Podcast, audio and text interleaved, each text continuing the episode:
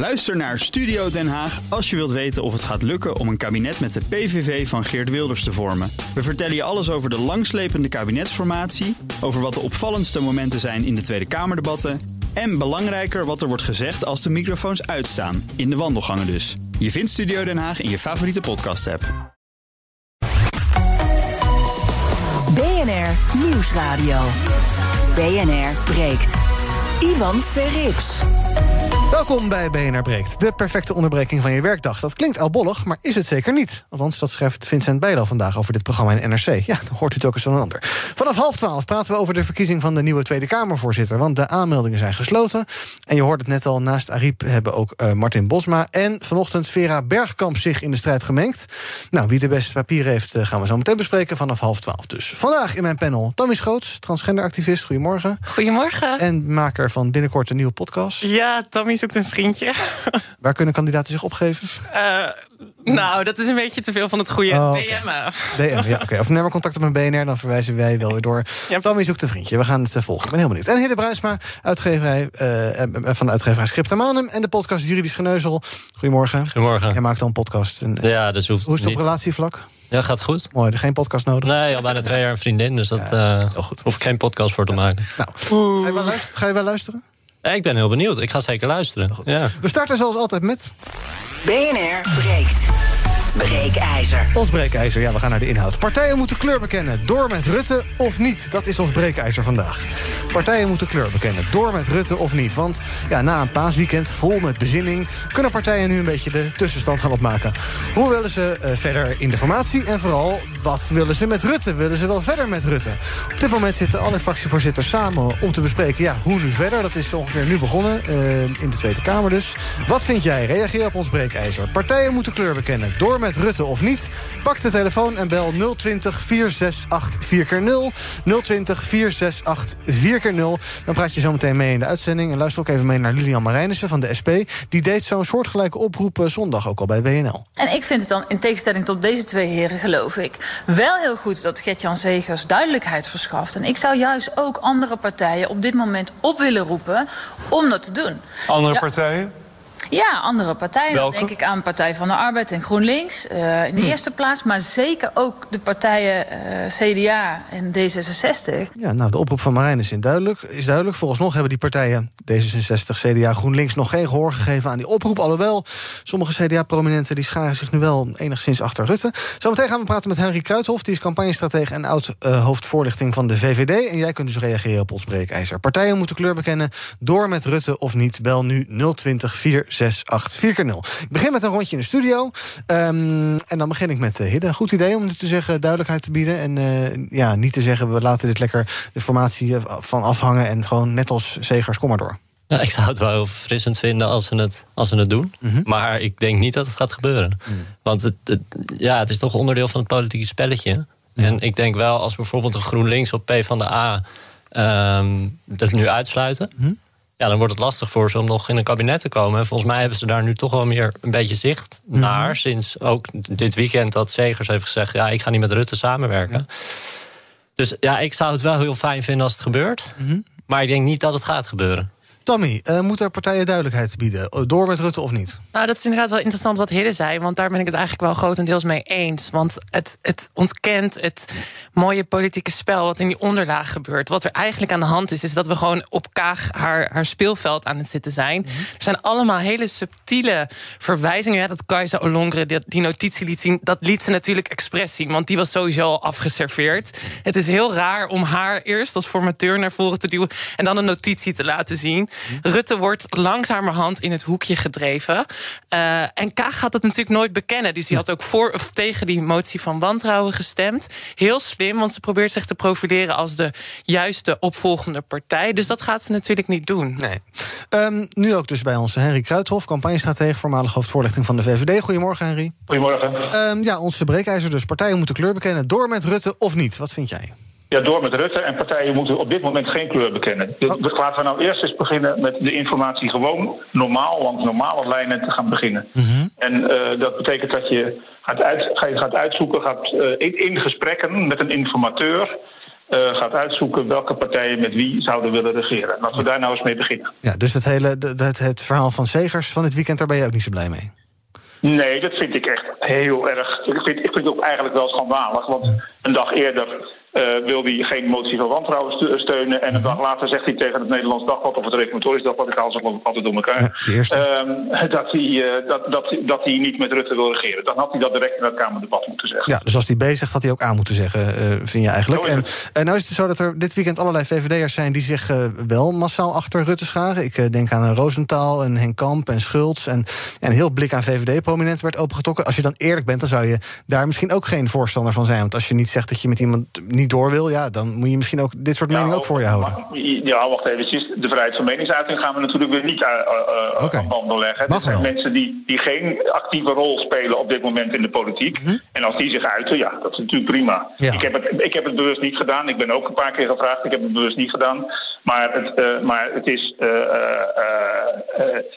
Het is die mensen mogen natuurlijk zeggen wat ze willen. Ja, maar nu heb je het wel gedaan, door met Rutte dus. Ik heb nu gezegd, ik, ik zeg dat we het normale informatieproces in moeten gaan. Dat we gewoon het proces moeten volgen zoals we dat soort dingen afspreken. En, niet, en, en, niet in het openbaar. Want kijk, al die transparantieroepers op het ogenblik, mhm. dat, is natuurlijk, dat, is natuurlijk dat, is volkomen onzin. Een informatieproces kan niet in de openbaarheid. En zal ook nooit in de openbaarheid plaatsvinden. Mm. De um, keer dat dat echt geprobeerd is om het in de openbaarheid te doen, dat was uh, toen uh, het tweede kabinet in uil gevormd moest worden. Ik geef toe, het is lang geleden, maar ik leefde toen al en was zelfs al in de politiek werkzaam. In 1977. Toen, toen probeerden ze dat allemaal in allerlei openheid te doen. Nou, je hebt niet gezien wat daarvan gekomen is. Dat is mislukt vanwege die openheid. Ja. Ik ga zo naar een rondje bellen. Nog even kort één vraag. Al die VVD'ers die zich dit weekend aan achter Rutte scharen... jij ook als oud, uh, oud hoofdvoorlichting van die partij... is dat nou een soort van georganiseerde, georchestreerde campagne... die vanuit de VVD opkomt? Of is het allemaal losse, losse bewegingjes? Ik kan het niet beoordelen, want ik zat niet, in ieder geval niet in. Eh, als, als het zo was in die regie, zat ik er in ieder geval niet in. Mm -hmm. uh, uh, ik denk het niet. Ik denk dat het allemaal losse mensen, mensen zijn die, die spontaan hun steun aan, aan Mark Rutte hebben uitgesproken. Ja. dus nee, ik denk niet dat daar regie op zat. Het probleem met dat soort dingen is namelijk altijd dat het uitlekt. Ja. En, dus dat moet je niet doen. Nee. Ik ga wat je bellers doen. blijf aan de lijn, we komen zo bij je terug. Jan, goedemorgen. Goedemorgen. Zeg het maar. Ik, uh, ik, ik, vind het eigenlijk zo dat er eigenlijk nieuwe verkiezingen moeten komen. Omdat de mensen die nu gestemd hebben, die hebben gestemd over met een bepaald idee van dat en dat moet het worden. Mm -hmm. Nu is er zoveel gebeurd. Dus dat de mensen, als er nu, welke regering er nu ook komt, dat er heel veel mensen ontevreden zijn over die regering, omdat ze een ander uh, idee hadden. En, en als er nieuwe verkiezingen komen, dan kunnen de mensen zich opnieuw bezinnen van stem ik wel VVD, stem ik geen VVD of D66. Ja. Dan heb je een eerlijke verdeling weer van de partijen. En dan zeg ik nog nogmaals erbij van dat je nooit op voorhand moet zeggen van die partijen sluit ik uit. Want je, kunt altijd, je moet altijd samen kunnen werken, compromissen sluiten. En dat moet je met iedereen kunnen doen. Ja, duidelijk, dankjewel. We gaan het ideetje nieuwe verkiezingen zo meteen zeker even bespreken. Lian, goedemorgen. Goedemorgen. Zeg het maar. Uh, als je in een huwelijk zit en het vertrouwen is er niet meer, dan is het klaar. Ja. En eigenlijk is een, uh, een, een, uh, een, politieke partij of politieke partijen is ook een samenwerking. En als er geen vertrouwen meer is, dan is het klaar. Ja, en, dan moet je dat, en dan moet je het ook zeggen dat het klaar is. Dan moet je niet door blijven modderen. Nee, dan moet je gewoon zeggen dat het klaar is, inderdaad. Ja. Dankjewel voor het bellen. Wil Gier, goedemorgen. Hallo, goedemorgen. Dat, uh, met Rogier overigens. Maar dat, uh, dat gehuil van die uh, VVD-fossielen... dat begint op de lachspieren te werken. Maar wat vooral een blamage is... dat zou zijn als partijen die de motie van afkeuring hebben gesteund... Mm -hmm. nu dan toch Rutte betrekken of tenminste met Rutte in, eh, in zee zouden gaan. Een rare figuur moet dat wel zijn dat uh, de fractievoorzitters bij elkaar komen... en daar zit dan Rutte weer de, de, jongen, de grote jongen uit te hangen. Of die, de deemoedige jongen is het tegenwoordig. Maar het zou de ongeloofwaardigheid uh, ten zeerste schaden van de politiek... als dit spelletje dus, of tenminste als dit dus weer een spelletje blijkt ja. voor de bühne. Dus dat, dat zouden ze beslist niet moeten nee. willen. En vind je dan dat Rutte nu zou moeten zeggen dat hij weggaat? Of, of moeten die partijen ja, niet met dat, dat, dat, kun je vergeten. Weet je wat zo doortrapt is van die man? Die staat daar als uh, de, de eerste grootste pias op zijn fietsje. Staat die notenbenen toevallig de mensen waar hij eerder tegen heeft gezegd dat er absoluut niks gezegd is en dat er geen onderzoek naar of er geen verklaring voor hoeft te worden gegeven. Dat was RTL en NOS. Staat hij nu weer een interview te houden ter verveuren van zichzelf. Het is een pathetische man die aan de macht uh, uh, verslaafd is. Ja, duidelijk. Dankjewel, Rogier, voor het bellen. Wil je ook reageren op ons breekijzer? Bel dan nu 020 468 4 keer 0 Partijen moeten kleur bekennen. Door met Rutte of niet. 020 468 4 keer 0 Johan en Mostafa, blijf even hangen. Ik kom zo meteen bij jullie in de uitzending. Uh, Tammy, jij staat te springen om te reageren, geloof ik. Nou, valt wel mee hoor. Maar ik moest wel lachen om wat uh, de oude voorlichter van de VVD zei... Mhm. over dat alles wat die VVD'ers zeggen... dat is vrijheid van meningsuiting. Maar het politieke spel wat Gert-Jan Segers bedreigt... ja, dat is tegen het proces in. Nou, daar mag hij wel op reageren. Ja, Gert-Jan Segers is een actief politicus, al die anderen niet. Dat is het grote verschil daartussen. Dat is de reden waarom die, al die anderen, wat mij betreft, mogen reageren wat ze willen. Dat mag uit andere politieke partijen, wat mij betreft ook. Uh, maar als je actief politiek bent en betrokken bent bij het formatieproces. Dan, dan, dan is het verstandig om je aan het, aan het formatieproces te houden. Dat is wat ik zei. Maar Annemarie Jorritsma was gewoon oud-formateur... en die heeft ook nog steeds invloed. Dus ik vind het gewoon een bijzondere uh, stelling, om, uh, om het zo maar te zeggen. Want dit is natuurlijk ook politiek. Hè? Als kleine partij moet je je gaan positioneren... en wil je natuurlijk ook macht afdwingen. Dus uh, dat doet, ik vind dat Gert-Jan Zegers dat slim speelt. Ja, nou, ik denk niet dat jij voor een verbod zou zijn... maar je vindt het gewoon niet chic, toch, Henry? Ja, ik vind het niet ziek en ik vind dat, dat natuurlijk niet, je kunt het toch niet verbieden, dat is, dat, natuurlijk, dat is onzin. Maar het is, het, het, houd, houd je als betrokkenen bij dat formatieproces nou gewoon aan het proces.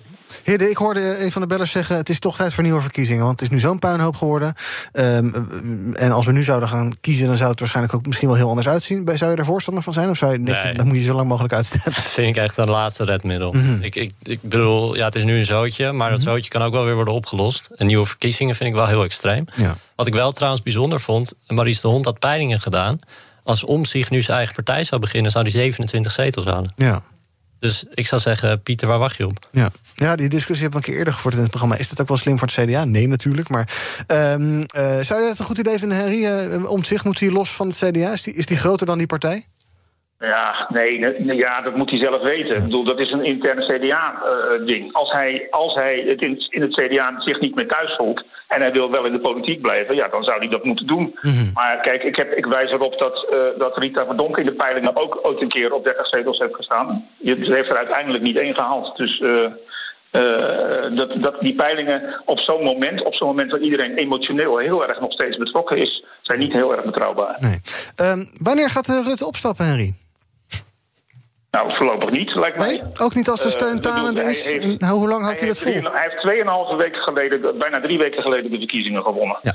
Uh, en dan nu alweer zeggen dat de, degene die dat gedaan heeft op moet stappen en Bovendien, en, en, dus hoor ik sommigen zeggen, uh, niet iedereen overigens, nieuwe verkiezingen. Ja, dat zou belachelijk zijn. Dat ja. we nou niet doen natuurlijk. Ja. Nee, maar hij gaat ook niet zelf opstappen, denk je? Daar, nee, daar, daar, daar denkt hij niet aan. Nee, dat denk ik niet. Nee, nee toch zijn ook wel van ik, ik heb allerlei mensen die aan de telefoon ook die zeggen van ja, hij moet weg. Ja, dat, kijk, weet je, dat kunnen mensen wel vinden. Dat vind ik ook prima. Ja. Maar dat ze dat vinden, vind ik prima. Maar het, uh, uh, daar gaat Rutte zelf over en daar gaat de partij over, de VVD over en verder niemand. Nee, en dat de VVD dan nu alleen staat zo'n beetje, dat is dan geen probleem voor die partij? Nou, dat, dat moeten we eerst nog maar eens zien. Laat er nou maar eerst eens een informateur komen die dat eens goed gaat uitzoeken. Mm is het... en, dat, en dat, dat, is toch een beetje neer het dwarrelen. En dan eens rustig kijken wat, wat de situatie is. Ja. Is er talent om hem op te volgen? Denk, uh... Tuurlijk, dat is er altijd. Zoals wie dan? Wie, waar denk je aan? Ja, ik ga geen namen noemen. Oh. Dat vind ik echt onzin. Want dan noem, nee, want dat, kijk, weet je, je belast mensen enorm als je die gaat noemen als mogelijke opvolger. Uh-huh. En dat wil ik niet. Nee. Maar, uh, maar die, natuurlijk, die zijn er altijd. Ja, de Schippers, Hennis denk ik aan. Maar weet misschien een beetje trek aan Dijkhoff nog. Die zegt dat hij niet wil. Maar ja, ja, misschien komt hij toch op Breda terug dan. Als je een beetje je noemt drie namen. Nou ja, ja, ja. Die kun je, die, je kunt er nog veel meer noemen, maar die, die oh. kun je ook noemen. Ja, welke, welke nog meer? Nee, dat ga je niet zeggen. Nee. Uh, even hier een rondje in de studio voordat ik weer naar bellers ga. Uh, Schippers, Hennis, Dijkhoff, uh, Tammy. Ja, zeg maar, politiek ligt natuurlijk niet op één vlak met al die mensen. Helemaal niet zelfs. Nee, helemaal niet zelfs. Maar ik vond Hennis toen in het debat dat ze ging aftreden... vond ik heel mooi hoe zij zeg maar politiek bedreef. Ik vond haar echt wel iemand die overstijgend zou kunnen zijn. En wat ik ook wel interessant vond is... Uh, want Maries de Hond had ook uh, Tamara van Ark gepeld. Mhm. En dan zouden ze de verkiezingen niet meer winnen. Dan zou mhm. Kaag de verkiezingen winnen. Ja. Dus en dat vond ik wel een interessant gegeven. Ja, dus het komt allemaal nog vrij nou. Precies. BNR breekt. Ivan Verrips. Je luistert nog steeds naar BNR Breekt met in mijn panel Hidde Bruinsma van de podcast Juridisch Geneuzel en Tammy Schoots, transgenderactivist. En ook bij me is campagnestratege Henry Kruithof, die is oud hoofdvoorlichting van de VVD. Ik ga een uh, rondje bellers doen en die reageren op ons breekijzer, namelijk partijen moeten kleur bekennen door met Rutte of niet. Wil je ook reageren? Doe dat dan nu. Pak nu je telefoon 020 468 4 keer 0 Moet je wel snel doen, want we praten er nog een minuutje of acht over. Dan is het klaar voor vandaag. En ik begin bij Ben van den Berg. Goedemorgen. Goedemorgen. Uh, ja, ik denk dat partijen wel kleur moeten bekennen en dat je eigenlijk binnen, om de politiek geloofwaardig te houden, uh, nieuwe verkiezingen uit zou moeten schrijven. Mm. En ik vind het een beetje uh, raar dat men wel bijvoorbeeld een PVV van tevoren buitenspel zet. Mm -hmm. Uh, ook eigenlijk afserveert. En uh, dat gaat er ook over een miljoen kiezers. Overigens ben ik geen PVV-stemmer, maar ik vind het wel heel vreemd dat men dan valt als uh, eigenlijk van de vorige kleur bekend. Ja, dankjewel. ben van den Berg. Patricia, goedemorgen. Ja, goedemorgen. Nou, de vraag is eigenlijk overbodig. Uh, die jullie stellen, want de partijen hebben al kleur bekend. Uh, het is duidelijk uh, hoeveel zetels ze gestemd hebben voor de, voor de motie van wantrouwen. -hmm. Dat is duidelijk. Dat betekent dus Rutte weg, Rutte klaar. De ChristenUnie heeft hem weg laten komen, een beetje uh, om de waardigheid te handhaven. Maar heeft de dag daarna volledig kleur bekend. Dus de kleur is bekend, het spel is klaar. Als de politiek naar de burger toe een betrouwbaar gezicht weer wil laten zien, wil laten zien als we het over herstel en nieuw leiderschap hebben, dan staat ze maar één ding te doen. En dat is de morele logica volgen. Mm -hmm. En niet de politieke logica, niet het machtsgebruik, ja. niet de ijzerspelletjes. Er is maar één logica en dat is morele logica. En als je die volgt, en als je die volgt dan? Dan hebben we dus een meerderheid die Rutte niet meer wil. Nee. Dan, dan, dan ja. zullen ze daar gewoon in die lijn moeten formateren ook. En ja, dat wordt waarschijnlijk ingewikkeld. Maar als je dat consequent blijft doen, dan zal Rutte uiteindelijk Baxo moeten halen. Ja, duidelijk. Dankjewel voor het bellen. Johan, goedemorgen. Goedemorgen. Zeg het maar. Um, ik denk dat het spel ook uit is voor Rutte. Mm -hmm. Ik ben het ook met de vorige spreekster eens. Dat is wel een complicatie. Hij is ook wel de leider vooralsnog van de grootste partij. Ja. Ik ben niet voor nieuwe verkiezingen. Hij moet nu gewoon geformeerd worden. En gezien de delicate verhoudingen kun je dat wel even doen met Rutte erbij. Maar uiteindelijk zal er moeten worden gekozen. En dan denk ik dat Rutte gezien is, omdat er die motie van afkeuring is Kamerbreed aangenomen. Alleen dus de VVD stemde tegen. Ja. Die motie van wantrouwen heeft het net niet gehaald. Met maar 72 voorstemmen en 78 tegen. Maar ja. de ChristenUnie wil ook niet verder. Dus er is gewoon in feite een motie van wantrouwen tegen Rutte. En dan kunnen VVD'ers hoog en laag springen. En ook wat Henri Kruithof doet. Ze kunnen proberen Gert-Jan Zegers belachelijk te maken of te kleineren. En een klein partijtje te noemen. Maar al die kleine partijtjes bij elkaar opgeteld vormen een meerderheid tegen Rutte. Dus vroeger of later zal er een kabinet komen. En de premiersnaam is in zoverre bekend dat dat niet Rutte is. Nee. Maar wie is het wel? Ja, uh, Dijkhoff wil niet. Nee. De Kaag zullen ze niet gunnen. Het zal waarschijnlijk iemand van de VVD worden. Hm. En als we er echt niet uitkomen, dan zullen er uiteindelijk wel nieuwe verkiezingen komen. En dan met of zonder Rutte, dan kan de kiezer zich opnieuw uitspreken. Maar Rutte zal denk ik geen nieuwe premier meer worden. Dankjewel voor het bellen. En uh, Mostafa, je hebt wacht al 13 minuten. Excuus, goedemorgen. Goedemorgen, geen probleem hoor. Um, ik vind het een, beetje jammer dat uh, Rutte uh, nu al door bijna uh, ja, iedereen, iedere beller zo'n beetje afgeschreven wordt. Hij heeft natuurlijk een, een, een fout gemaakt door ja, nu al bij de formatie bepaalde dingen te zeggen wat eigenlijk niet door de beugel kon. Maar um, als je hem dan op één fout afrekent, dan vind ik dat hij ja, toch wel de, de, vele pieken die hij de afgelopen jaren heeft gehad, ja, teniet doet. Hij is, hij is een goede leider geweest voor ons land. Hij heeft ons land behoorlijk geholpen door alle allerlei uh, ja, moeilijke fases. En uh, hij is de komende jaren ook wel de, de, juiste leider op de juiste plek. Dus ik denk dat er uh, ja, toch wel opnieuw ja, geformeerd mag worden met Rutte als, als premier straks. Ja, nou, dat sluit perfect aan bij wat jij denkt, Henry, denk ik. Ja, dat zeker. En ik wil overigens nog even op een van de bellers te reageren. Ik heb uh, Segers in geen delen gekleineerd. Ik heb het, het woord partijtje niet in de mond genomen. Ik heb alleen maar gezegd dat ik vind dat hij zich aan het proces van de formatie moet houden. Ja. Um, um, maar ja, ik vind ook dat gewoon. Kijk, iedere partij gaat over wie zijn of haar onderhandelaar is. Mm -hmm. Uh, en uh, en dat, is, dat geldt voor de VVD net zo. En de VVD gaat met Rutte de onderhandelingen in. Ja. En dan gaan we wel zien hoe ja. het gaat. Ik hoorde ook een van de bellers zeggen... ja, de VVD heeft de PVV uitgesloten. Dat is ook niet zo sociaal van ze. Ja, maar of, of is dat toch verschil partij-persoon? Maakt dat toch uit? Nee, dat is, dat is partijverschil. Want uh, kijk, de, de, de PVV heeft naar de mening van verreweg de grootste meerderheid van de Tweede Kamer een abject standpunt over Marokkanen ingenomen. Mhm. En, uh, en dat is de reden waarom met de PVV niet geregeerd wordt. Althans, vanuit de VVD is gezegd, zolang, dat, zolang die uitspraak van minder Marokkanen door Geert Wilders niet wordt teruggenomen, wordt er met Geert Wilders niet onderhandeld. En dat is volkomen terecht een legitiem standpunt. Ja, je zei het al, net, er zijn veel oud-politici van de VVD die zich nu uh, uitspreken voor Rutte. Of oud-politici, maar in ieder geval mensen die zich niet echt uh, heel actief nu in de politiek zijn. Ik zie uh, bijna geen zittende Kamerleden die fel een ferm achter nee, gaan staan. Nou kijk, dat van die niet-actieve VVD'ers, dat is denk ik geen regie. Maar dit zou wel eens regie kunnen zijn. Ik ah. denk heel erg dat het dat wel afgesproken is dat de leden van de Tweede Kamerfractie zich niet bemoeien met, uh, met deze discussie. Waarom eigenlijk niet? Ze kunnen toch voor hun leider gaan staan? Ja, maar dan, dan gaat iedereen roepen: kijk eens hoe, uh, hoe geregisseerd dit, dit en dit nou weer is. Dus ja. dat, is, dat is de reden waarom, denk ik, dat niet gebeurt. Het is verstandig om dat niet te doen. Mm -hmm. Tommy, hoe denk jij dat het er nu achter de schermen aan toe gaat bij de partijtje, partijen als uh, GroenLinks Partijtje. en D66? Nou, eerst nog heel even over mensen die zich hebben uitgesproken. Want volgens mij wat mensen die wat lager op de lijst stonden, volgens mij 44 en 58, die zijn zich wel massaal aan het uitspreken mhm. voor Rutte. Um, aan de andere kant wil ik ook nog even reageren op de PVV. Want dat is eigenlijk wel wat hier nu aan het gebeuren is. Rutte wordt in het nauw gedreven. Hè, en je ziet eigenlijk langzaam dat ook D66 misschien langzaam aan het kijken is om, om hem toch uit te sluiten. Het probleem is dat je hem dan wel de rechterkant uitdrukt. Mhm. Dus als ze die te verenigen weten, dan, dan gaan we gewoon over recht. Mm partijen zoals GroenLinks en PvdA, ja, die zijn gewoon in complete chaos, ja. volgens mij. Die hadden dit niet... Of ja, ik denk dat ze wel hadden aanzien komen dat ze zouden verliezen. Maar die zijn zo uit elkaar gereten. Hè, dat, dat, dat artikel in de Volkskrant van Sabine Scharwachter... dus de voorzitter van de jongerenpartij van mhm. Dwars... Dat, Gaan we het nog even over hebben, ja. Ja, dat, dat sloeg natuurlijk in als een bom.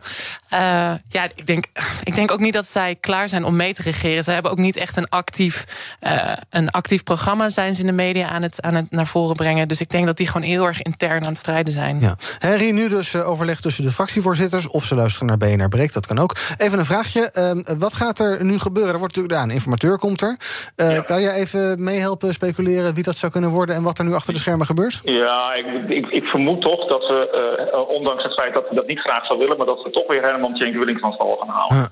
Ik denk dat dat toch degene is waar, waar, waar kan je van kunt verwachten. Kijk, hij is van de Partij van de Arbeid, dus hij is niet uh, heel erg betrokken op dit moment. Staat buiten de, nou laat ik zeggen, de partijen die op dit moment een heel erg verschil van mening hebben. En, uh, en, en hij, is, hij heeft een goede naam op het gebied van, uh, van formaties. Dus ja, ik denk dat dat gewoon de beste... Als hij wil, hè, want ik ja. weet natuurlijk niet of hij wil. Maar als hij wil, zou dat denk ik de beste Ja, en dan gaan we gewoon weer van vooraf aan beginnen. Dus gaan, gaan we Rutte uitnodigen en Kager uitnodigen. Ja, en dan gaan we weer gesprek uit. Een goed idee, Hidde, om Cenk Willink te vragen? Ja, volgens mij wel. Ja, ja goed idee. Tammy? Ja, het is denk ik misschien ook wel heel erg nodig dat er iemand is die niet in die partij zit. Ik, dat was misschien ook wel een beetje een fout. Hè? Dus dat ze allebei, dat, dat D66 en VVD iemand van hun eigen partij meteen ja. als formateur naar voren ja, hadden daar ben ik het mee eens hoor. Mooi. Het heel erg mee eindelijk. Eindelijk. Ja, nee, daar ben ik het echt heel erg mee eens. dat zijn twee actieve politici en je moet een informateur moet je kiezen die oh, ja. een beetje buiten, buiten het dagelijkse politieke gewoel staat. Nu is Annemarie Joris maar wel een actieve politici. Net was ja, ze dat nog dat niet. nee, Mooi. Ik bedoel, het is, dat hadden er geen van allebei moeten zitten. Daar ben ik het volkomen mee eens. Ja, dus ik denk dat het een goede zet is om iemand van de PvdA te doen. Het doet wel pijn om te horen van, oh ja, die staat er een beetje buiten. Want de PvdA staat compleet buiten spel. Maar goed, het zij zo. Dat aan het einde van het half uur Tammy Schoots en Henry Of het nog eens eens zouden worden. Dat vind ik toch uh, nieuws op zich. Dankjewel ja. dat je erbij was, Henry Kruithof, uh, oud-hoofdvoorlichting van de VVD en campagnestratege. Zometeen praat ik verder met mijn panel over een oproep van de Amerikaanse minister van Financiën voor een wereldwijde minimumbelasting voor bedrijven. Nou, ook een soort nachtmerrie voor de VVD. En over de politieke jongerenorganisaties die laten van zich horen over Rutte. Nou, mag jij eens raden wat zij vinden. Zometeen in deel 2 van. Bij BNR ben je altijd als eerste op de hoogte van het laatste nieuws. Luister dagelijks live via internet. Bas van Werven. En heel langzaam komt de zon op rond dit tijdstip. Je krijgt inzicht in de dag die komt op BNR, het Binnenhof in Nederland en de rest van de wereld. De Ochtendspits. Voor de beste start van je werkdag. Blijf scherp en mis niets. BNR Nieuwsradio. BNR breekt. Ivan Verrips.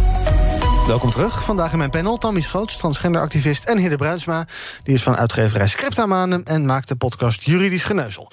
We gaan eh, het komende half uur het nieuws van vandaag doorspreken. Ja, het zal denk ik best wel een politiek half uurtje blijven... maar dat geeft helemaal niet.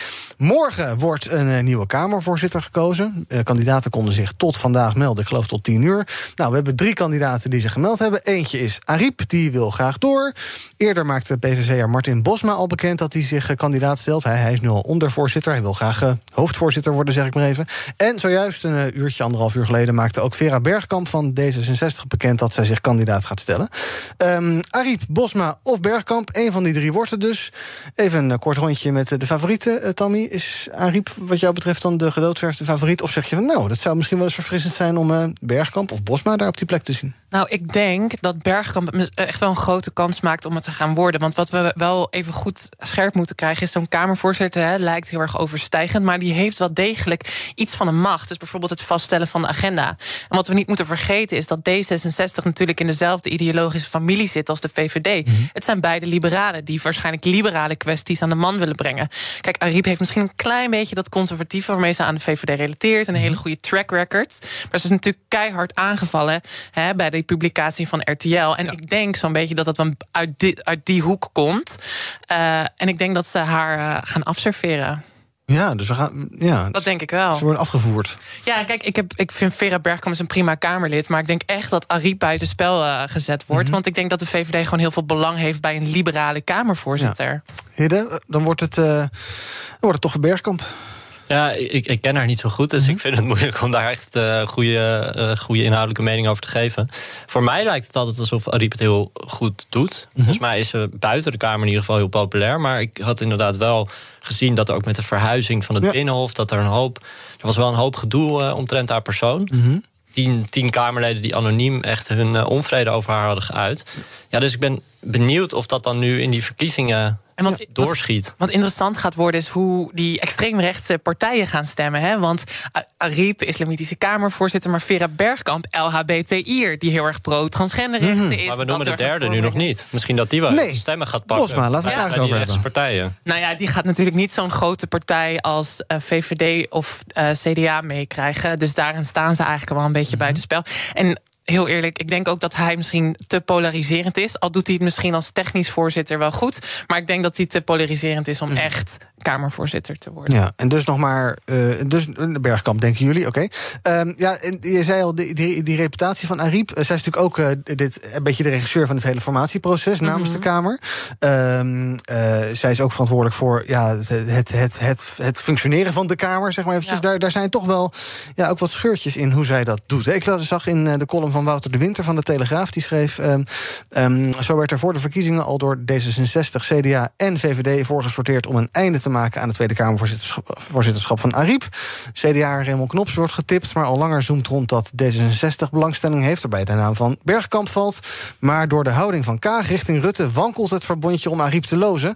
Rond de VVD-top valt Pardoes te horen dat de liberalen het voorzittersdossier nu met een frisse blik zullen bekijken. Het is een beetje wat jij zei. Ja, precies. Want dat, het is een beetje voorsorteren erop. En wat D66 onder Kaag natuurlijk heel slim aan het doen is... is macht consolideren. Mm in posities werken. En dat was natuurlijk ook heel slim dat ze Ariep van tevoren hebben aangevallen. Hè. Een van de meest populaire Kamerleden, ook P van de Aars. Dus dat is, het gebeurt gewoon allemaal heel sneaky. En, we zitten, en ik, ja, ik heb het al vaker gezegd... maar we zitten echt op een ander niveau van politiek... met Kaag als, uh, als leidstrekker van D66. Wat je ook van haar vindt. Dit is gewoon een heel interessant... heel heel onderhuids schouwspel wat hier uh, is. En ik denk echt wel dat het, dat het gaat lukken. Ik denk echt dat Bergkamp uh, Kamervoorzitter gaat. En dat het dus ook hierin doorspeelt. Um, uh, morgen kiest de Kamer dus. En jullie zeggen dus eigenlijk allebei het wordt de Bergkamp waarschijnlijk wel. Ik, ja, ik, ik vind Ariep ook echt geweldig hoor. Zeg maar. Ik vind haar echt een geweldige Kamervoorzitter. Maar als je het politieke schouwspel en de verhoudingen gaat bekijken... denk ik dat Bergkamp een zeer goede kans maakt. Ik denk zelfs dat het gaat worden. Hm. Zou ze dan weer terug de bankjes in moeten, Ariep? Ze heeft natuurlijk wel bij allerlei afscheid van vorige Kamerleden... die dan voortijdig weggingen omdat ze ergens ja. een baantje hebben... heeft ze altijd gezegd van ja, maar dat is eigenlijk toch niet helemaal de bedoeling. Ze zei dat gekozen. ze terug, terug, gaat in de Kamer als ze niet gekozen wordt. Ja. ja. Dus, En ik denk dat dat goed is. Ik denk dat het goed is. Ik denk dat PvdA haar wel echt kan gebruiken als Kamerlid. Ja, het zou zonde zijn als ze, als ze, als ze dan uit de Kamer gaat. Ze is, ze is hartstikke goed. Ja, maar je moet natuurlijk ook niet vergeten... Hè, dat die Kamervoorzitter... Uh, dat is natuurlijk ook weer een extra stem Dus ik, ik denk dat dat. Ja, misschien is het ergens ook wel goed voor de PvdA om even terug te trekken. En dan weer die stap naar voren te maken met posities overal. Want ze zit eigenlijk ergens waar. Weet je, dus Niemands land. Nou ja, het is een beetje de afbraak van de PvdA. De laatste overblijfselen van hun macht. Dat zit daar nog. Het is misschien, ja, verleden tijd. Even herbronnen. Ja. ja, goed. We gaan een rondje eigen nieuws doen. Uh, Hidde, jij wilde het hebben over de oproep van uh, Janet Yellen, Amerikaanse minister van Financiën. Zij zegt dat er internationale afspraken moeten komen om uh, tot een minimumbelasting voor bedrijven te komen, om zo belastingparadijzen tegen te gaan. Luister even mee. Competitiveness is about more than how US headquarters com headquartered companies fare against other companies in global merger and acquisition bids. It's about making sure that governments have stable tax systems that raise sufficient revenue to invest in essential public goods and respond to crises. Hmm. Internationale afspraken, minimumbelasting voor bedrijven. Is dat een goed idee? Ja, want wat je nu ziet, landen concurreren met elkaar op belastingtarieven of in ieder geval belastingregels. En het is een heel ingewikkeld systeem. Je hebt een heleboel uh, verdragen, je hebt allerlei verschillende regels. En wat vaak het probleem is, dat je een paar landen hebt waar bijvoorbeeld het tarief 0% is. Volgens mij staat op de Cayman-eilanden staat een gebouw. En Barack Obama zei erover: het is het grootste gebouw ter wereld. Mm -hmm. Of het is het grootste belastingzwendel ter wereld. Mm -hmm. Want er zitten 40.000 bedrijven.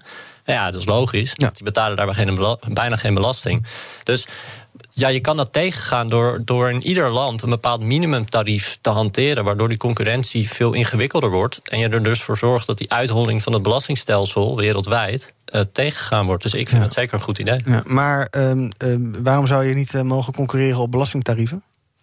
Nou ja, ja dat, tuurlijk, dat mag. Maar wat je ziet is dat de overheid veel minder belasting binnenhaalt. En dat grote bedrijven als Apple, Google, Nike eh, effectief bijna geen belasting betalen. Terwijl wij als normale burgers gewoon 40, 50 procent belasting betalen. En ja, ik, ik vind dat wel heel schokkend. En ik vind ook dat dat moet worden opgelost. Dus Nou, ik heb hier ook al wat. Ik heb hier twee dingen over te zeggen. Eén. Ten eerste, dit is natuurlijk echt een cultuurshift voor Amerika. Zeker. want die kenden eigenlijk in Europa kennen we dat wel, dat overheden mogen ingrijpen. In Amerika is dat eigenlijk not done. Dat ken je bijna niet, maar wel echt hard nodig. Wat we hier ook vergeten, ten tweede, is de rechtsstaat.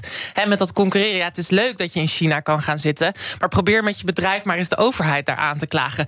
Dat gaat niet. En dat Amerika nu die meer protectionistische houding. Je kan het protectionisme noemen. Ik denk niet dat het helemaal is. Het is gewoon logica dat je dat doet. Want echt die hele staatskas wordt leeggegrepen door al die bedrijven.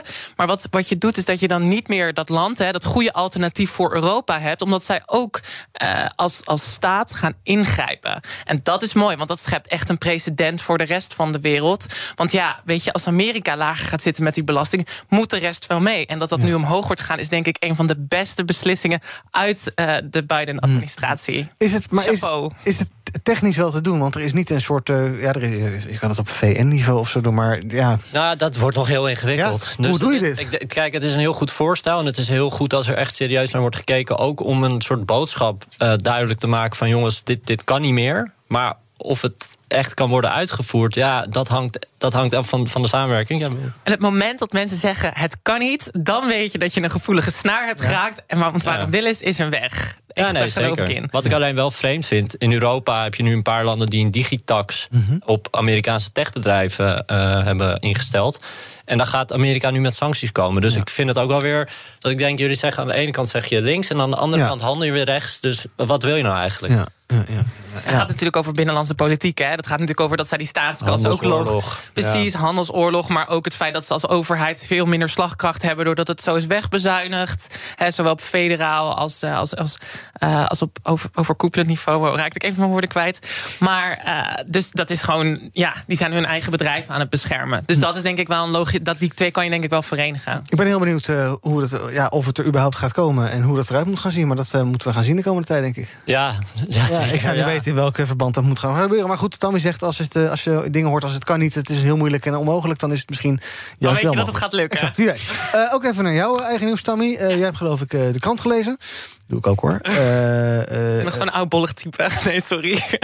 noem je de krant oudbollig of noem je jezelf oudbollig? Ja, nee. Een beetje van beide. Oh, oké, heel goed. Ehm, politieke jongerenorganisaties die keren zich massaal tegen Mark Rutte in een gezamenlijke brief. Het gaat om de jongeren van D66, GroenLinks, PvdA, Partij voor de Dieren, ChristenUnie en DENK. Hey, ik mis er één partij. Nou, daar hebben we het zo wel even over. Ehm, wat, uh, wat schrijven zij in die brief?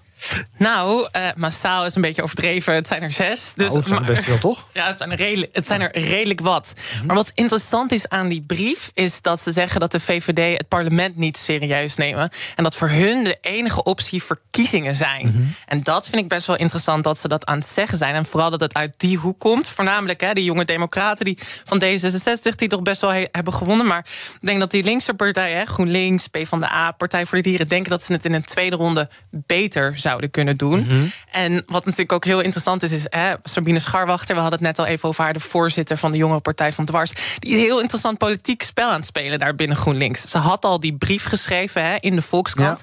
En wat wel bekend is, dat zij als. Dat blog ook, toch? Is dat een blog ook op de. Oh, ze zal wel weer hebben geschreven. Maar het, gaat, het, gaat erover dat zij was eigenlijk in haar voorzitterschap deze. was er niet heel veel profiel. Het lukt haar eigenlijk niet om in de media te komen. Mhm. En nu is zij hele grote stappen aan het maken om die partij verflinkt de vuur aan het schenen te leggen. Want in een partij van Jesse Klaver is geen Sabine Scharwachter. Mhm. En het is dus wel interessant dat zij nu zegt... we moeten nieuwe verkiezingen, er moeten nieuwe verkiezingen komen. Want die zit zichzelf en mensen die om haar heen staan... gewoon die partij in te dringen. En dat is best wel interessant dat het van de jongere partij komt. Ja, maakt zoiets, denk je, indruk op de grote mensenpartijen?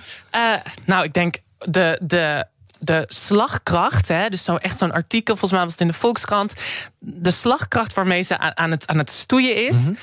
Mm dat, dat maakt echt wel indruk, denk ik. Zeker omdat ze die partij precies op het goede moment een, een, een klap gaf. Mhm.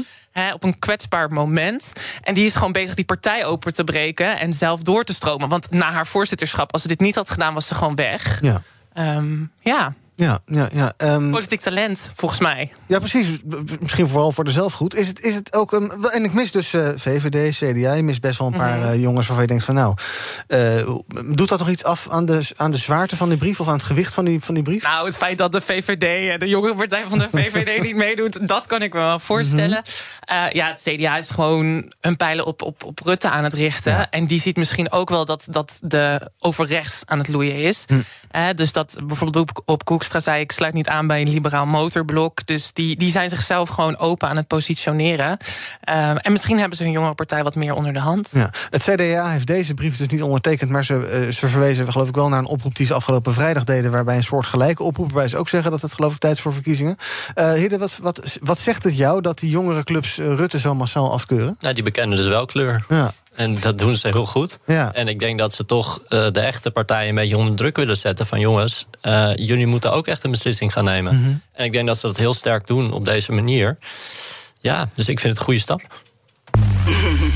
BNR.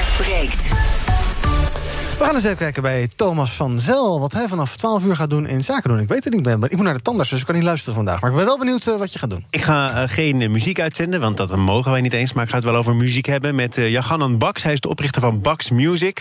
Voor mensen die het echt serieus willen aanpakken, die goede spullen willen hebben... en die ook bereid zijn om daar wat voor te betalen. Ja, je kunt er bijna alles vinden als het gaat om professioneel met muziek omgaan. Ik geloof dat wij er bij BNR ook wel over kunnen meepraten. Goede koptelefoons en dat soort zaken. Um, en de vraag is natuurlijk, komen een beetje normaal door deze afgelopen periode heen? Is dat gelukt met klik en collect, met eh, winkelafspraken? Of als je echt serieus uh, wil investeren, doe je dat dan toch op een eh, andere manier? En als je dan investeert, is het er ook op tijd. Want uh, er is een chipfabriek uh, in Japan in de brand gevlogen een tijdje terug. Het Suezkanaal, daar hebben we het uitgebreid over gehad natuurlijk. Dus dat staat allemaal onder druk. Daar gaan we het over hebben. Er komt een, uh, een oprichter van een, een fonds, een investeringsfonds in sport en tech komt langs. Want dat is al een tijdje lang een, een goede combinatie. Je gaat ook sport steeds meer ook, relateren aan data, aan algoritme, aan de andere kant van sport. Om op het veld succesvol te zijn. Kees de Kort is er, het uh, beleggerspanel is er. Mijn stem is er ook nog. Ik hoop dat hij het volhoudt de komende twee uur. Een wankelstemmetje. Ja, al een tijdje. dus ik heb, ik heb een rustige Pasen gehad. Oh nee, nou ja, de, mijn familie de afgelopen dagen ook niet. Want ik heb alles afgezegd. nou, uh, nu maar even... We gaan het redden. 13 minuten stil zijn nog en dan uh, horen we je zo meteen. Vanaf 12 uur in Zaken doen. BNR breekt. Thee met honing schijnt te helpen. Um, laatste kwartiertje BNR breekt. Vandaag in het panel Hidde Bruinsma van de uitgeverij Scriptomanum... en de uh, maker van de podcast Juridisch Geneuzel. En Tammy Schoots, transgenderactivist en maker van de podcast... Tammy zoekt een vriendje. Ja. Is dat hem? Kijk, de naam blijft goed hangen. Over een maandje ergens te beluisteren in de podcast-app bij jou in de buurt. We gaan het even hebben over goed nieuws, ook wel eens fijn. Het RIVM houdt er rekening mee dat de derde coronagolf... best wel eens korter zou kunnen duren. Uh, twee weken geleden werd nog verwacht dat eind deze maand... 1400 IC-bedden nodig zouden zijn, en die hebben we geloof ik niet. Maar experts denken nu dat de piek al halverwege deze maand komt... met slechts, de zaakjes, 800 bezette IC-bedden. Luister mee naar uh, arts-microbioloog Mark Bonte, lid van het OMT. Die zei dit bij Nieuwsuur. Nou, de verklaring is dat het uh, de laatste weken uh, meeviel... hoe snel de toename van het aantal bezette IC-bedden was. En dat heeft dan een invloed op deze grafiek. Daarbij moet opgemerkt worden dat de laatste paar dagen... er wel weer een, een sterke toename is van het aantal bezette IC-bedden. Dat zit nu op 746 vandaag. Dus dat zal ook zeker weer een invloed hebben op de volgende voorspelling. Nou, positief coronanieuws in ons land, ook wel eens fijn. Um, word je daar enigszins optimistisch van? Of denk je van, nou, ik ben al zo vaak teleurgesteld, wacht maar even rustig af? Nou, ik ben blij dat ik in het panel zit en dat het inhoudelijk goed nieuws is. Uh -huh. In plaats van dat het over een luchtig onderwerp, dat het daar goed, goed gaat. Uh, ja, ik ben, ja, ik ben alleen maar blij. Ik kan dit alleen maar omarmen. Maar ja. inderdaad, misschien heb je gelijk. Misschien ben ik nog te naïef. Uh, word ik teleurgesteld over een paar weken, maanden. Mm -hmm. Word jij blij van? Of zeg je van, nou ja, ja, ach, weet je, dat het eerder komt en wat lager is, ja? Nou ja, ik denk dat het sowieso fijn is. Maar je, je moet altijd maar weer afwachten hoe dat, hoe dat uitpakt. Ja. Uh, maar ja, ik denk dat het fijner is dan dat ze nu zeggen... Uh, ja, over, over een maand uh, exploderen de ziekenhuizen... omdat we 6000 IC-patiënten hebben. Dus ja. ja. ja. het lijkt me altijd fijn om eens goed nieuws te hebben over corona... in plaats van slecht nieuws. Ja, ja wat het, waar, waar, het wel echt voor zorgt... is dat we misschien weer wat losser omgaan met de maatregelen... terwijl dat misschien juist belangrijk is om dat vol te houden. Dus misschien qua mediatechnisch is het niet heel handig van het RIVM om dit zo naar buiten te brengen. Nee. Maar uh, terwijl, ja, we moeten ons er gewoon nog steeds aan gaan houden. Ja, want dat is een beetje altijd de vraag, hè? Want dan krijg je, ja, blijkbaar kan het RIVM niet modelleren. Dan krijg je dat soort termen, krijg je dan. Uh, terwijl misschien hebben we bij ons wel heel goed aan de maatregelen gehouden de afgelopen tijd. En als we dat nou blijven doen, dan valt het allemaal nog, nog wel meer mee. Ja, laat maar weer zien dat feiten niet altijd voor de massa zijn. Hè? Dat, dat het gaat over de interpretatie oh. van de feiten. Um, ja, de, ik, ik, ik ben hier ook altijd over verscheurd. Ik denk dat het belangrijk is dat iedereen de feiten kan, kan krijgen. Maar aan de andere kant, ja, wat doe je met die feiten? Dat Ja. is een logische tweede vraag. Dus in dat opzicht is het misschien niet zo positief. Nee, nou, Bond is in ieder geval op hoede. Er zit heel veel onzekerheid. Uh, het aantal besmette mensen, besmettelijke mensen wordt geschat op 150.000 per dag. En de R-waarde zit nog steeds boven de 1. Uh, dat is nu bijna alleen nog maar de Britse variant. Dus de situatie is wat dat betreft nog steeds uh, wat wij noemen instabiel. En kan zomaar omslaan in een ja, veel hogere. Maar het kan ook meevallen. Dus uh, deze voorspellingen die u ziet, die zijn gebaseerd op de huidige maatregelen. Ja, en wat ook in die voorspellingen ziet, is dat wij de komende maand flink gaan opschalen met het vaccineren. Dat En hoop je. Dat zit dus in de voorspellingen. Dat hoop je inderdaad. Want dat is toch wel een beetje een Dat loopt zo achter, man. Ik kan er zo boos van worden. Mijn vriendin werd in het ziekenhuis, die is nog steeds niet gevaccineerd. Mhm. Ik bedoel, laatst was er een corona-uitbraak bij haar op de afdeling. Denk ik, waarom, waarom gaat het zo sloom allemaal? Ja. Kijk, dat ik nog niet ben gevaccineerd, prima. Maar ik snap het niet. Mijn opa van 70 is ook nog niet opgeroepen. Wat ik echt idioot vind. Je hoort hele maffe verhalen. Je hoort ma- verhalen van mensen die begin 60 zijn... die al wel worden opgeroepen. Mensen die tien jaar ouder zijn die niet worden.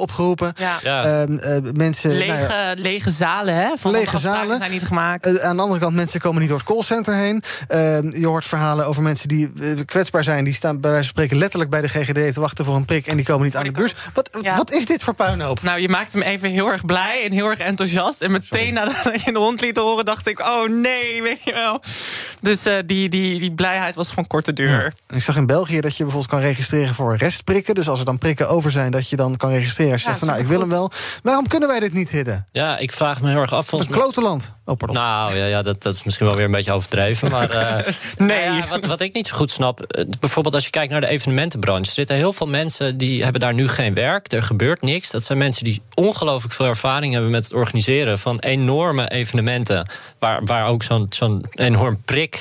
eh, ding ja, gewoon onder valt. Waarom is daar niet meer de samenwerking mee gezocht, vraag ik me af. Maar ik weet niet zo goed wie is hier nou eigenlijk eindverantwoordelijk voor. Is dat Hugo de Jonge? Ja. Ja, dus die heeft het dan gewoon niet geweldig gedaan. Dan moet hij ook weg. Zo, de hele politiek afgeschreven dit uurtje. We gaan nog even een rondje doen en kijken wat er trending is op de sociale media. Hashtag sneeuw. Ja, hier in Amsterdam nu net niet meer, maar vanochtend wel. En een half uurtje geleden ook nog. Het is een wisselvallig ochtendje. Hashtag water aan de lippen. De overheid zou te weinig geld in universiteiten steken... in academisch onderzoek. En met die boodschap staan universiteiten, studenten, hoogleraren... en vakbonden vandaag samen op de barricade. Vaccinatietempo is trending, dus dat wordt wel flink opgeschroefd deze maand. Maar wat ik al eerder zei, eerst zien dan geloven. En ook AstraZeneca, want daar wordt nu tijdelijk niet meer mee geprikt. En eh, dan moeten we het nog eventjes hebben over het Verenigd Koninkrijk... Ehm, dat best wel goed op schema ligt met het vaccineren. Zij gaan dus vanaf volgende week maandag verder versoepelen. Zij... Johnson zit aan het bier, toch? Exact, luister mee. Reopening shops, gyms, zoos, holiday campsites... personal care services like hairdressers... and of course beer gardens and outdoor hospitality of all kinds. And on Monday, the 12th, I will be going to the pub myself and cautiously but irreversibly raising a pint of beer to my lips. Ja, um, het gaat dus best lekker daar. Uh, uh, niet essentiële winkels, je hoort het hem zeggen. Sportscholen, kappers, terrassen gaan weer open. Jaloers op? Nou, zeker jaloers. Maar dit was natuurlijk ook nodig. Hè? Dus echt van tevoren begonnen ze al bij Oxford veel, veel geld er tegenaan mm te gooien. Want met die Brexit moeten ze wel open blijven om die economie draaiende te houden. Dus dat was denk ik overduidelijk. Dat als zij niet uh, goed aan het vaccineren waren en dat, en dat met een goed tempo doen, dan is het Verenigd Koninkrijk weg. Ja. Vooral met die Brexit die net. Uh, het succes was noodzakelijk. Althans, succes tot nu toe. Je weet nooit hoe het over nou ja, een half jaar eruit ziet, over drie maanden. Maar... Dat is denk ik wel waarom ze al het geld uit andere dingen hebben leeggetrokken. Hè? Want mm -hmm. dat is wat je niet ziet en allemaal aan die vaccinaties hebben gegooid. Ja, zo, zo kunnen we het ook wel. Zo kunnen wij het denk ik ook. Nou ja, had het zo gedaan, dan waren we. Nou ja, alles leegtrekken, alle sociale voorzieningen leegtrekken, ja, alles, alles op de, op de schop. Uh, dat hebben ze niet gedaan, toch? Nou, ze hebben wel. Ze moeten dat geld natuurlijk ergens vandaan halen. Ze verdienen het misschien ook alweer dubbel terug, doordat de economie weer open kan. Nou ja, maar dat, dat geld dat was er nog niet op het begin natuurlijk. Hè. Dus dat, dat moet van andere potjes komen. En laten we eerlijk zijn, die verzorgingsstaat is niet in goede handen onder Johnson. Ik zag Hubert Bruls, de voorzitter van het Veiligheidsberaad in Nederland, dus tegen de Telegraaf zeggen dat hij vindt dat de terrassen nu echt open moeten. Dat hoor ik al best lang natuurlijk ook van ondernemers, maar ook van burgemeesters. Hij krijgt bijval van onder andere van Zanen, van Den Haag en van Halsema van Amsterdam. Uh, ja, ik hoor al de laatste maanden uh, in de open lucht kan je praktisch niet besmet worden, tenzij elkaar misschien uh, intens gaat aanhoesten. ja, dus maar opengooien die terrassen? Ja, het, lijkt me een beetje voorbarig. Volgens mij kan het nog niet. Mm. Het is duidelijk dat, dat dus je het buiten niet besmet kan worden. Ja, maar is dat nou echt bewezen? Nou ja, ik geloof het wel. Ja? Mm. Ja, nou ja, mm. uiteindelijk nemen ze beslissingen in Den Haag. En ze willen niet versoepelen. Mm. Dus ik heb zoiets van, ja, ik volg toch wat zij doen. Mm. Braaf van jou. Kan ze opengooien? Ja, ik ben daar wel helemaal voor. Dat kan op een goed gereguleerde manier, denk ik. En je ziet, hè, sociaal springen mensen uit hun voegen. Hè. Er worden constant mensen opgepakt met illegale feestjes en zo. Dat is wel echt zo. De meeste besmettingen gebeuren thuis. Reguleer dat. Ga in gesprek met die horeca-ondernemers. En kom met een veilig plan. Want dan heb je het, heb je het, heb je het onder je dan gebeurt het onder jouw toezicht. Ja, volgens mij zijn ze nu druk met andere dingen in Den Haag. Ja, dat denk ik ook. Vechten. Als de terrassen weer open gaan, zullen we dan afspreken dat op de eerste dag dat wij met z'n drieën ja, dit programma gaan maken vanaf het terras? Oh, dat vind ik een heel goed idee. Vraag je ons nu mee op date? Ja, op de dag dat het terras weer open Tammy zoekt een vriendje uit die podcast, toch? Ja, die heb ik ook al. Maar ik wil meer. Is een idee? Ja, nee, goed idee. Zeker. Doe Misschien. Nou. Ik word een beetje moe van jullie na zo'n uur. Ja, dan stoppen we ermee. Oké, okay, Tommy, dan stoppen we er gewoon mee. Morgen is BNR Breekt er weer. Tot die tijd kan je ons volgen op de socials, op BNR op Twitter. We heten ook BNR Nieuwsradio op uh, YouTube. Er staat al een filmpje van deze aflevering die nog bezig is. Ja, hoe het kan, de technologie staat voor niks. BNR Nieuwsradio op Instagram, onze website bnr.nl... en zometeen dus uh, Thomas van Zel met Zaken doen. Ik ga naar de tandarts. Tot morgen!